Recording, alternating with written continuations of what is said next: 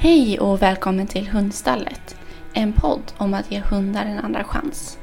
Jag heter Erika och jobbar som kommunikationsansvarig. I det här avsnittet pratar vi med Anders Hallgren, världens första hundpsykolog, och Carolina Lasses, nationell pedagogikansvarig på Hundstallet, om vår relation till hundar. Gilla gärna podden och skriv en recension för att vi ska kunna nå ut till fler. Välkommen!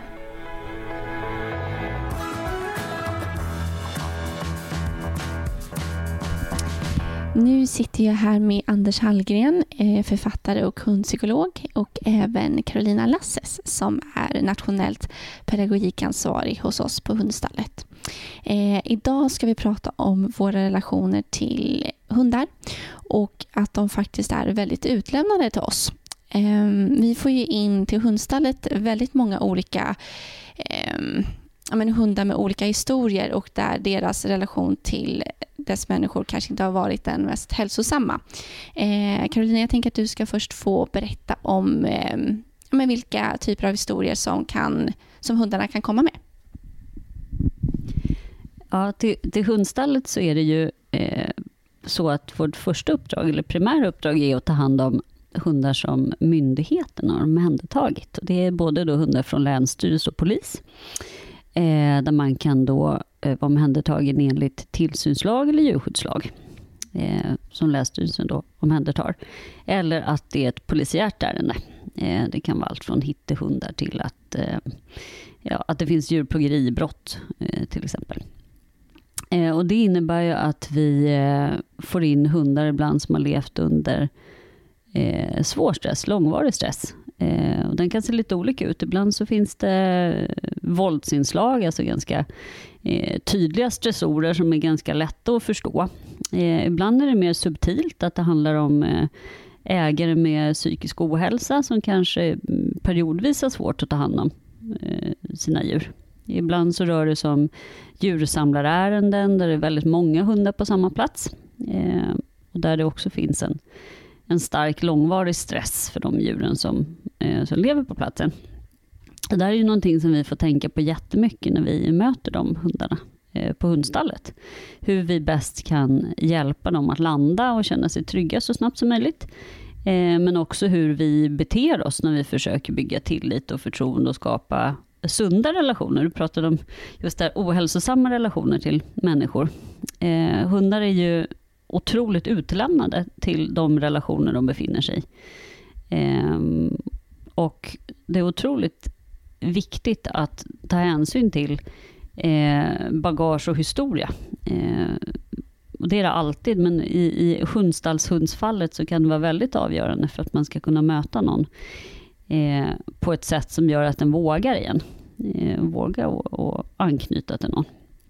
Så då tänkte eh, jag att nu när vi har en psykolog här på plats så vore det väl underbart härligt att höra lite om stress. Hur stress funkar men också kanske också att det finns olika typer av stress. Att det finns eh, någonting som du har skrivit en hel bok om som kallas för social stress.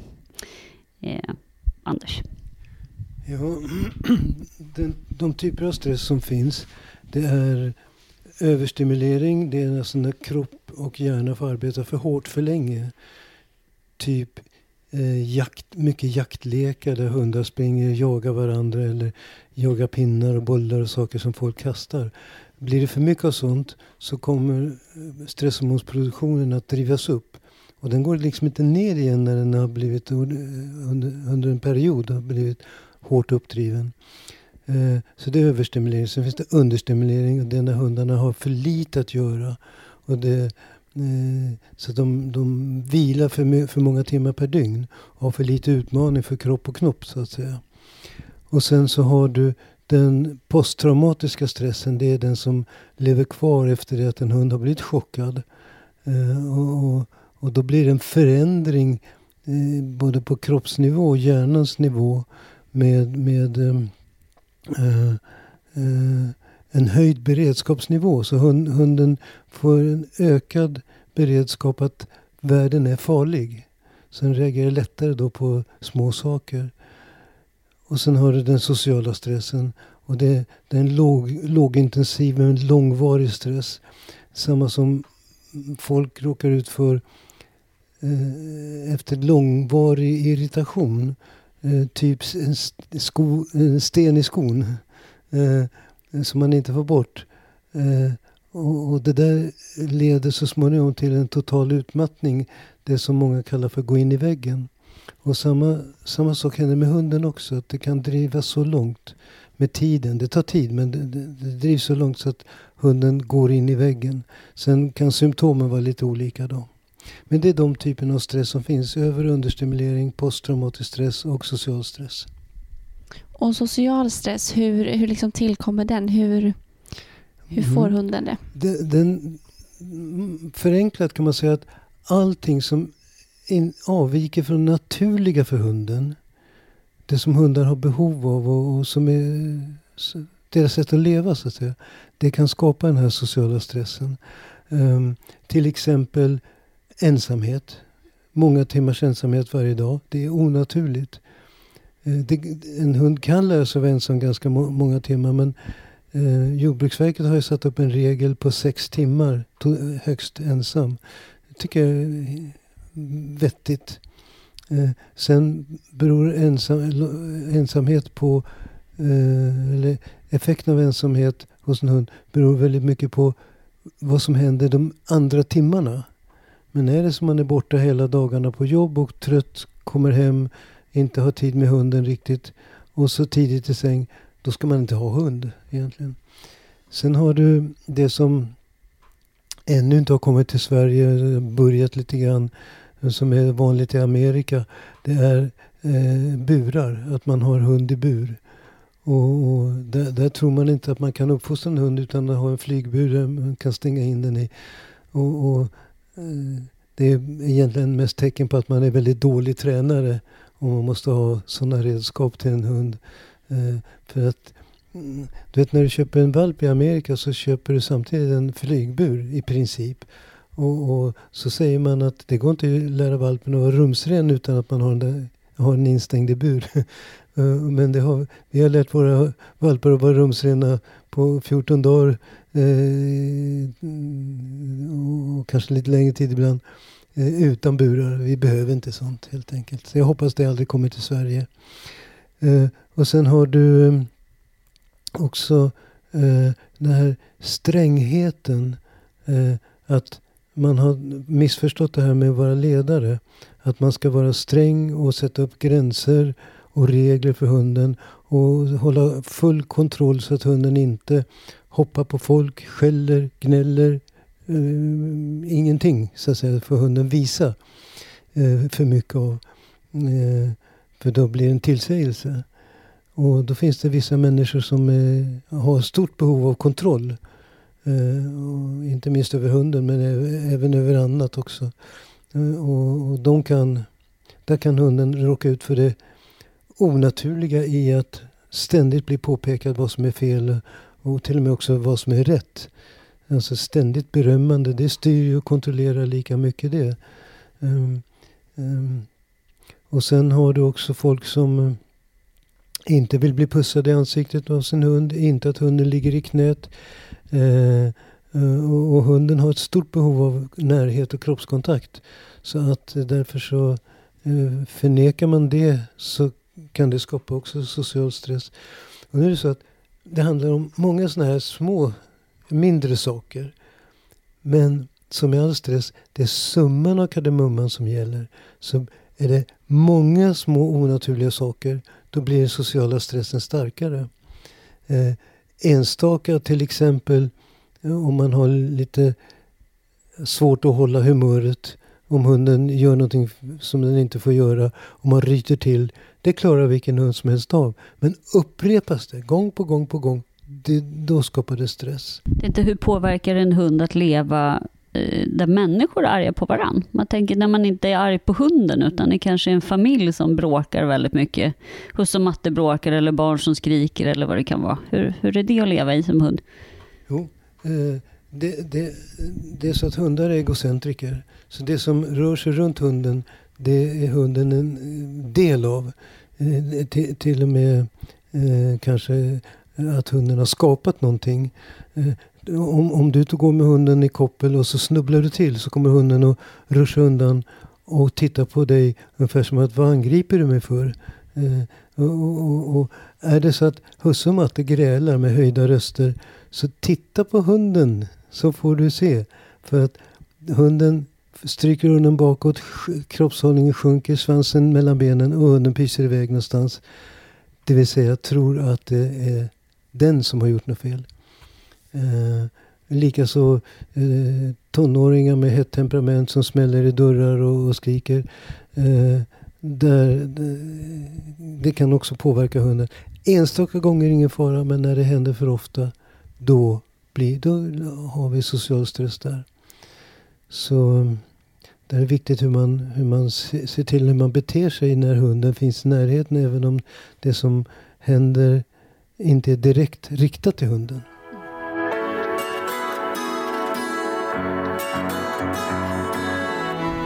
Du, du har ju eh, på något vis ägnat ett helt yrkesliv åt att försöka få människor att förstå att man inte behöver vara arg och dum mot hundar. vad, är, vad är den största välfärdsrisken, tycker du, med att man håller på och tror att man ska bestämma varenda andetag en hund tar, och massa regler och visa vem som är ledare och eh, det här, den gamla retoriken? Uh vad, vad, som är... Vad den största välfärdsrisken är? Vad, är det, vad, är det, vad, händer, vad händer, riskerar vi i hundens fall händer? Ja, just det. Det, det. det, är så här att, att det är så viktigt för en individ, människa eller hund eller häst eller vad det är. Att känna vad man kallar egenkontroll. Det vill säga att man känner att man kan påverka sin situation. Eh, och det där har man gjort många, många experiment med. Bland annat med äldre på eh, ålderdomshem. Eh, där, där personalen skött allting. Där dör folk snabbare. Eh, eller på, har kortare liv. Där de själva får akt, vara aktiva och sköta om si, sina boende. Där eh, har de en bättre livskvalitet och lever längre. Um, och, och de har sett att eh, det, det, går liksom en, en, en, en linje från en känsla av att man kan kontrollera sin omgivning, bestämma över sitt liv. Och så i andra änden på den linjen eller skalan så eh, är det eh, hjälplöshet, alltså en känsla av att jag kan inte göra någonting. Och, och det där eh, har man forskat väldigt mycket i. Martin Seligman är en amerikansk psykolog som eh, myntade begreppet inlärd hjälplöshet. Någonstans mellan full egenkontroll och full hjälplöshet befinner sig vi och våra hundar.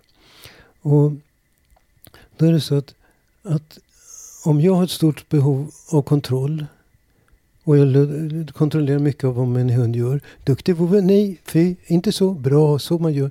Om man håller på så väldigt mycket, då berövar man hunden hundens känsla av kontroll över sitt liv även om jag mår, då, mår bra av, av att utöva min kontroll så att säga, om jag nu har, är lagd åt det hållet, så mår hunden dåligt. Så det är en kamp om kontroll. Och det bästa man kan göra där det är att kontrollera så lite som det går. Det vill säga slappna av med hunden, låta hunden vara. Och det är inte hela världen om hunden hoppar lite på folk. Det, man behöver ju inte höja rösten för det, man säger bara ursäkta. Och sen eh, ta, eh, klappar man om hunden och ger hunden något annat att göra. Jag tänkte på att du sa ju det lite tidigare här med att man faktiskt kan kontrollera någon väldigt mycket med oavbrutet beröm också. Tycker det är intressant, även om, om eh, vi alla här tar starkt avstånd från aversiva metoder, helt enkelt att man är dum med någon, så är det väldigt viktigt att komma ihåg att man kan eh, ta ifrån någon känslan av kontroll genom också att vara där och peta allt de gör, även om man gör det med så kallade positiva metoder eller eh, trevliga metoder metoder. Så det är så viktigt det här att få vara att få vara den man är, att få ta egna initiativ, att få vara nyfiken utifrån sin egen nyfikenhet och lust och undersökande. Eh, för att den där, den där kampen om kontroll, den finns även där. Även om det eh, säkerligen ser trevligare ut och det är nog trevligare naturligtvis än att få eh, att hundpiskan åker fram, så är det fortfarande så att någon är där och, och eh, formar den och tänker åt den och, och eh, ja, ser till att man tappar den här kontrollen. Och, och när en hund då känner mindre kontroll, då blir den det första, eh, främsta symptomet brukar vara passivitet. Hunden blir passiv. Och då är man inne i en ond cirkel. För den passiva hunden lägger sig någonstans. Inne märker man inte att man har hund. Och då får hunden överskottsenergi. Så när man kommer ut, då är hunden vild, drar i kopplet, hoppar på folk, skäller och är jobbig på olika sätt. Och, och det kan dessutom utvecklas till utfall mot hundar som leder till slagsmål så småningom. Så, så um, det är uh, vettigt uh, och viktigt att inte utöva för mycket kontroll. Och det är så fantastiskt som händer när man inte kontrollera sin hund utan bara lever med den så att säga. Inte, inte styr vad som är bra och dåligt. Bara är där eh, med mycket mm, kroppskontakt och har väldigt mycket kul ihop. Då kommer hunden att utveckla saker på eget initiativ som är väldigt ovanliga. Till exempel vet jag hundar som har börjat att eh, reagera på, på mm, diabetes, på sockerhalten hos folk när, när blodsockret sjunker till exempel. Eh, och det har de gjort själva, lärt sig själva. Och de kan lära sig själva eh, att göra saker väldigt, väldigt mycket. Jag jobbade mycket med, jag startade det här med servicehundar för handikappade. Och där såg jag hundar som eh, var väldigt lite kontrollerade. Hur de utvecklade bland annat den första eh, hunden, en border collie som hette Laiban. Hon, hon eh, ehm, eh, trodde att hon sköt på rullstolen på, när husse satt i rullstolen. Hon satte nacken mot en eh, grej som går ner, ner till mellan hjulen. Där satte hon nacken, så sköt hon och sen stannade hon upp och tittade framåt och sen sköt hon igen. Och det hittade hon på själv. Och sådana saker gör hundar när de inte är kontrollerade. Va? Då kommer det fram helt som hundar som tröstar folk när de blir ledsna. Det gör de ändå. Men som sköter om, tar hand om. Um, de utvecklar en empati. Och det har man sett hos vargar också. Um, Gordon Haber, en vargforskare som vande eh, vargarna som han studerade vid sitt flygplan. Så han kunde flyga över dem och studera dem från, från planet. Då studerade han uh, en vargfamilj. De hade gått över eh, en stridström. Där alla utom en sex månaders vargvalp eh, kunde komma över för han drogs med av strömmen. Eh, och han kämpade, och kämpade. Då var det en ett och ett halvt årig varg, eh, varghona som var så bekymrad. Och hon sprang ut med eh, strömmen och, och gnällde. Och, eh, eh, alltså hon var eh, eh helt ockuperad i, av, av, av, av hur, hur, hur den här lilla valpen mådde. Och, och det är ju empati. Och till slut så beskriver Gordon Haber hur hon hoppar ner i vattnet när han kommer lite närmare stranden och bromsar honom. Så han, hon bromsar honom med sin kropp så han kan klättra upp. Sådana saker kan alltså våra hundar utveckla när de inte är under den här kontrollen. För det finns i deras gener.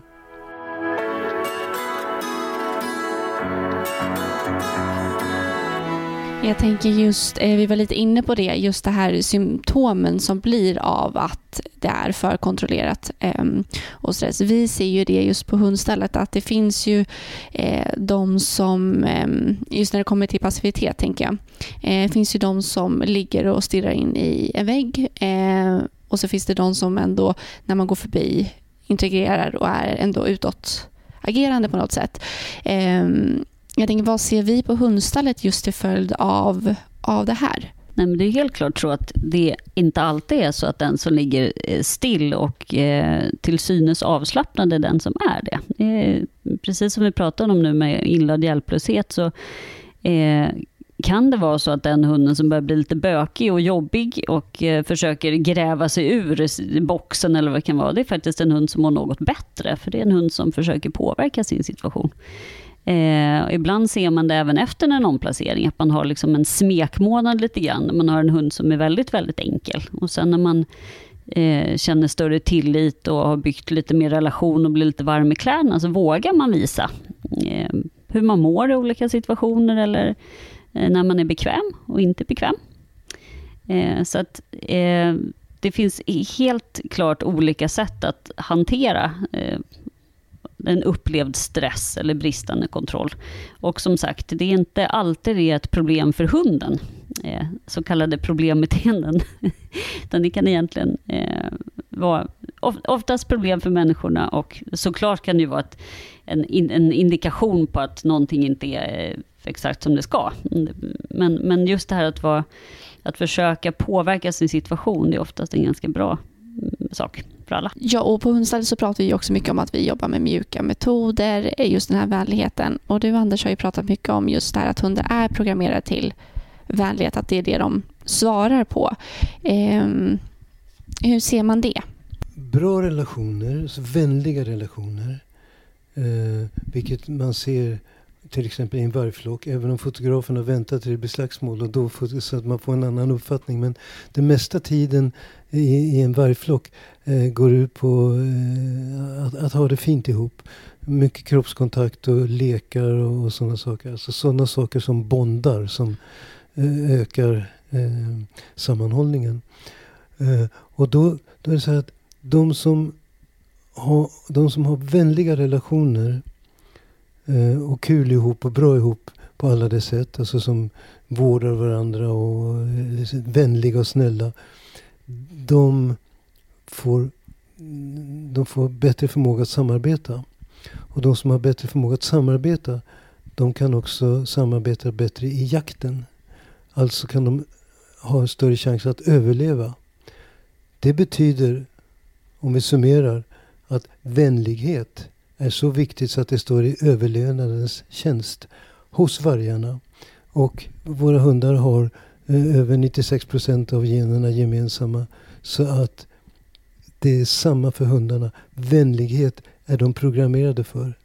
Bra relationer är det viktigaste som vi kan ha med våra hundar. Jag tänker att vi, vi har ju jättemånga sådana, man brukar prata om selektionstryck, så har vi ju i samhället eh, lagstiftning och olika regler för hur hundar får bete sig. Vilket innebär också att hundar även där eh, tvingas som inte annat att vara väldigt vänliga, för det är så man klarar livhanken. Man måste kunna läsa av människor och anpassa sitt beteende. Och man får inte ha liksom snabbt till bett och man får inte vara aggressiv, för att då då händer det någonting. Då, då kanske man blir avlivad för att någon människa blir arg. Så att det här att, att, att hundar både har en liksom vänlighet i grunden, men att det också finns hela tiden från samhället ett tryck på att man måste vara vänlig. Oavsett hur man känner någonstans där inne så måste man ha väldigt hög eh, tröskel innan man blir sur som hund. Det är viktigt att komma ihåg. Vi känner att vi måste sätta gränser och, och, och kontrollera för att annars springer hundarna vind för våg och gör precis vad de vill. Men då är det så här att, att eh, ganska snabbt kommer den unga hunden att lära sig att ute, där kan man leva rullan, inne ska man vila. Och då eh, redan vid 8, 9, 10 månaders ålder så har vi fått hundar som sover tiden inne. Och de har så mycket energi så när de kommer ut så blir de jobbiga. Och då kommer vår kontroll plötsligt att bli akut. Eh, hunden får inte dra i kopplet, hoppa på folk och skälla som den vill och, och, och utmana hundar och sånt där. Men det, vad, vad, det, vad det som skapar de här problemen, det är ju energiöverskottet. Så att en hund drar i kopplet, det handlar inte om, om någonting annat än att hunden har överskottsenergi. För den drar ju på vägen ut på promenaden, inte på vägen hem. När den har gjort sig av med energi. Eh, så, så därför så är botemedlet inte ökad kontroll i alla lägen. Utan aktivera hunden, gärna inne, innan du går ut. Då kommer du att se på sig. Och det tar ingen tid. Att gömma 30 godsaker tar tre minuter. För hunden kan det ta 15 minuter att hitta dem. Små, små, små godsaker som är svåra att hitta ska det vara.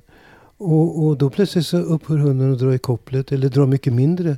Och, och plötsligt så är det dig som hunden är intresserad av. In, inte andra hundar och katter och folk.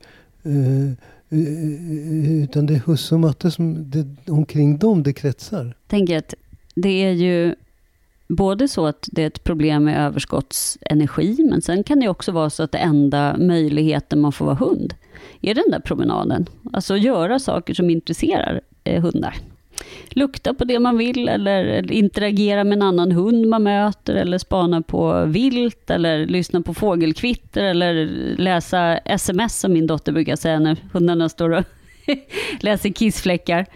Eh, och skicka sms också då, såklart om man ska kissa tillbaks. Eh, så jag tänker att ju tråkigare det är inne och ju mindre hundanpassat vi har det, eh, liksom både i samhället och inom hemmets väggar, så, så blir det ju allt större tryck på den här ventilen det är att komma ut på promenad. Det är som liksom de här timmen per dag eller två timmar, det är då allt ska hända. Hela livet ska få plats på den här promenaden. Och då blir det en intressekonflikt. Eh, som, som inte alltid hundarna vinner. Eh, så är det definitivt. Så att vi på hundstallet jobbar vi jättemycket med att hitta eh, stimulans i, eh, ja, men även i det då som är motsvarande att vara inne för en vanlig hund. Nu bor ju inte de inne i, i men i, i boxar. Där är det jätteviktigt vad som finns i de där boxarna.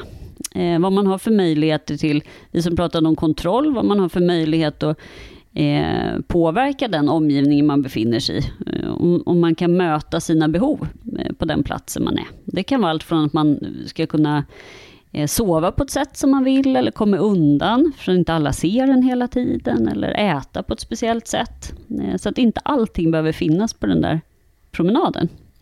Så det är någonting som, som eh, är jätte, jätteviktigt för alla hundar.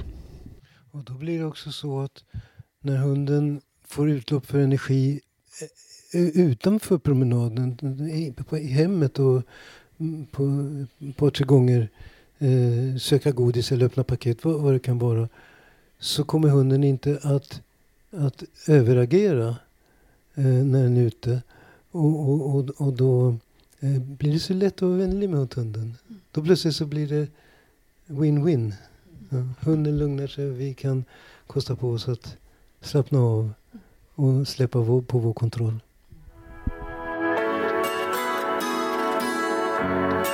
Mm, Ehm, om man kollar då också, jag tänker det här är ju hur de påverkas av eh, vänliga relationer, eh, hälsosamma sådana. Men om det är hundar som kommer eh, från ohälsosamma relationer där det inte har funnits den här typen av eh, ja, men, relation. Eh, och så, så kommer de till oss och sen så omplaceras de till ett nytt hem. Eh, hur, hur kan det som de varit med om tidigare komma att påverka dem i framtiden och i, i deras nya hem? Inte så mycket som jämfört med människor. För där släpar ju bagaget med hela resan så att säga. Uh, uh, utan hundar de lever här och nu mycket mer än vad vi gör. Och uh, är otroligt anpassningsbara. Så att när de kommer till...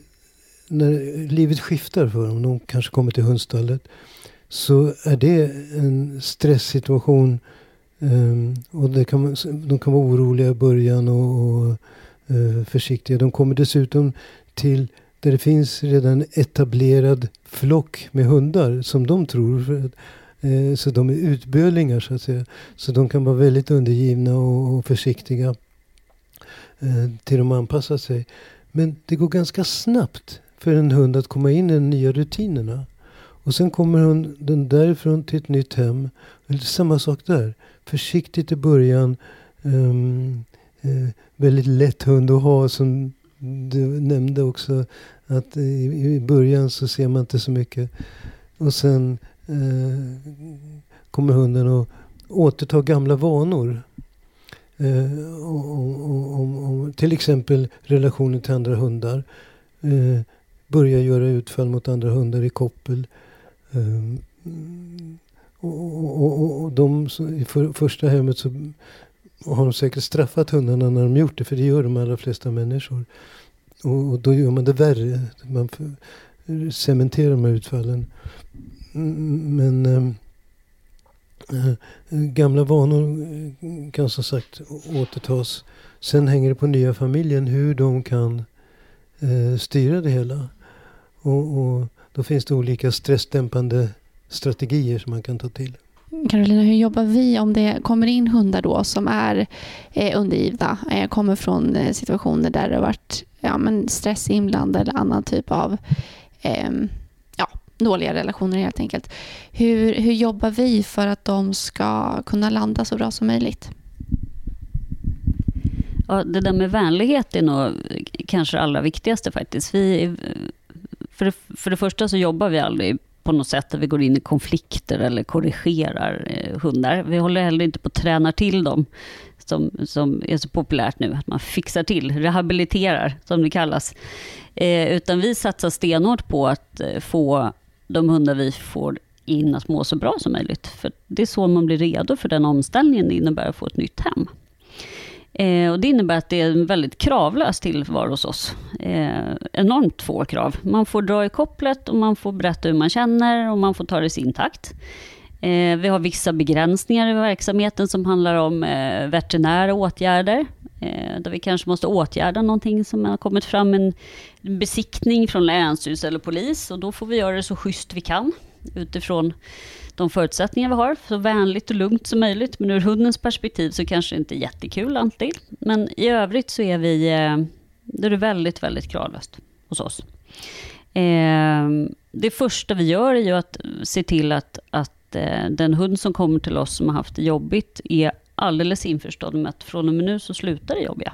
Här är du trygg. Ehm, det är ingen som vill dig ont, det är ingen som tränger sig på, det är ingen som är håller på med några hårda nyper, utan i hundens eh, takt så jobbar vi med att de bara ska få landa. Sömn är jätteviktigt i början, speciellt för de hundar som har kommit från eh, någon situation som har varit jättejobbig för dem. Eh, man kanske har hämtat ett stort antal hundar med polis och länsstyrelse. Det är en otroligt stressad situation bara i sig. Så då i början är det egentligen viktigt att eh, det inte händer så himla mycket, utan man lär sig, Eh, här bor jag nu, det här är min miljö, de här tiderna får jag mat, jag får komma ut, alla som går ut med mig är jättesnälla och vänliga, jag får en god bit och det är rutiner. Så, så i början är rutinerna mycket mer viktiga än, än stimulans, skulle jag säga. Eh, men med tiden så är det också att väcka nyfikenhet. Att, att stärka alla initiativ som handlar om att, att eh, undersöka sin omgivning, ta för sig. Jag älskar ju såna här, den här typiska hunden som drar ner nosen när man har handlat på affären, som kör ner hela nosen i matkassen. Det är en sån hund. Det, det är den känslan vi vill ha. Som dyker ner och kollar, vad har du köpt för något? Kan man äta något? Precis den känslan. Eh, och det gör vi på olika sätt. Eh, genom att, att, att skapa situationer som vi tror kan vara spännande nog för att väcka den här nyfikenheten igen. Eh, så att jag brukar prata om att vi har en pedagogik som är, bygger på tre delar, där det absolut viktigaste är acceptans, att nämligen utgå från den hund man möter, inte den man har tänkt någon ska bli, utan vem är du? Det kan vara hundar som ingen har brytt sig om det förut, någon gång. Och då kan det vara en viss startsträcka där, innan man vågar tala om vem man är. Men sen är det också att få stöd, stöttning i det som är svårt. Så istället då för att korrigera ett utfall mot hundar så skulle vi istället då jobba med att hitta ett avstånd som känns okej okay för den hunden och stötta med lite godis. Om, om du tar godisen och kollar på mig så ser jag till att hunden inte kommer hit, till exempel. Eh, men sen är det också stimulans, att hitta meningsfullhet i, i, i livet. Och ibland om vi tar då en hund som gör utfall, då skulle ju en stimulans naturligtvis kunna vara att se till att det finns en hundkompis i livet. Det kan ju vara en jätteviktig sak, att det finns en längtan efter hundkontakter som ser ut som att man inte vill träffa en hund. Så att den här stimulansdelen är mycket att, att se till att pusselbitarna finns i livet som gör det lite värt att leva. Och det kan vara allt från att spåra och nosarbete till att få gå parallella promenader med någon ny hundkompis eller vad det kan vara. Så att på det viset så försöker vi se till att, att hundarna mår så bra som möjligt, så att de är rustade inför den där omställningen eh, och komma till ett nytt hem. Och sen börjar liksom jobbet, som Anders sa, med eh, de här cementerade beteenden, vad det kan vara, som man kanske får hitta sätt i vardagen för. Eh, gå på promenad eller jobba med ensamhet. Och det. det börjar faktiskt när man byter hem sen. Så så ser det ut.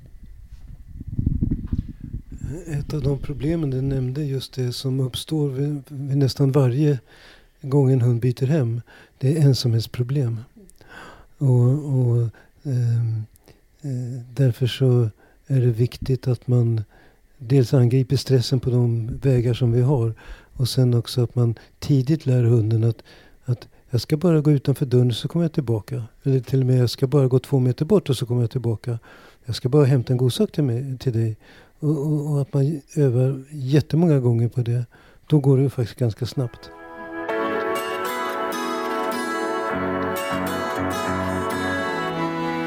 Jag tänker att um, för att liksom knypa, knyta ihop säcken. Um, hur ska de som köper en omplaceringshund, till exempel från oss då, där de har varit med om, ja men ha saker i bagaget. Vad är, förutom just ensamhetsträning, vad är viktigt för dem så att, för det här kanske är liksom första gången som hunden får en eh, vänlig relation med människa, en eh, sund relation. Vad ska ägaren tänka på? Ja, det är då att hunden med all sannolikhet är ganska passiv Eh, och eh, eh ganska initiativlös. Eftersom det har varit så pass mycket stress, bara, bara ombytena eh, i livet. Och sen kanske hunden har dåliga erfarenheter på det. Så det första jag lär hunden det är att dina initiativ är bra. Det är helt okej. Okay. jag ser fram, framtiden framför mig med olika övningar att lära hundar att ta initiativ. Eh, själv har jag inte kommit på så många men jag hoppas att det ska eh, komma till så att det blir liksom typ som man kan ha en kurs i initiativlära. eh, men vad jag gör till exempel så om jag kommer till en, en T-korsning när jag är ute och går så jag, kan gå vänster eller höger så låter jag hunden avgöra om den vill gå vänster eller höger.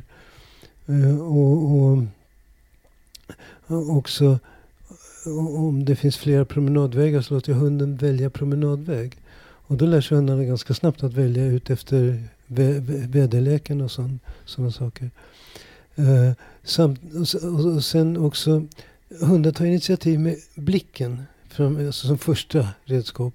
Och de flesta människor de ser att hunden tittar på mig men de, de förstår inte att hunden vill något.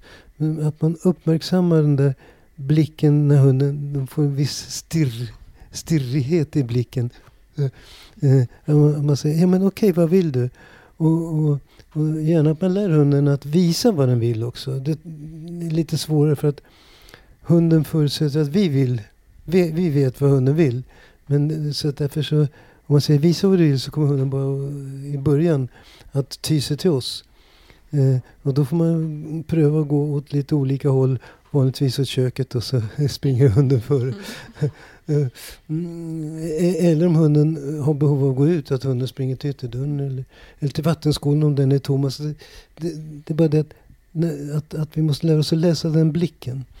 Sen så är det så att hunden har varit utsatt för stress och då eh, eh ska, ska jag mm, se till att hunden kan bilda det som lugnar hjärnan. Och det är serotonin då. Och, och, och, och det brukar försvinna ganska snabbt av, av stress. Eh, men serotonin bildas av, av B, vitamin B6 och äggviteämnet tryptofan. Och då kan man lätt tillsätta de här i maten. Då, då använder man hela B-vitaminkomplexet för alla har en viss balanserande lugnande inverkan. Uh, och bara att det är lite hårt för magen så man måste vänja hunden vid det och bara ge det i samband med mat. Då.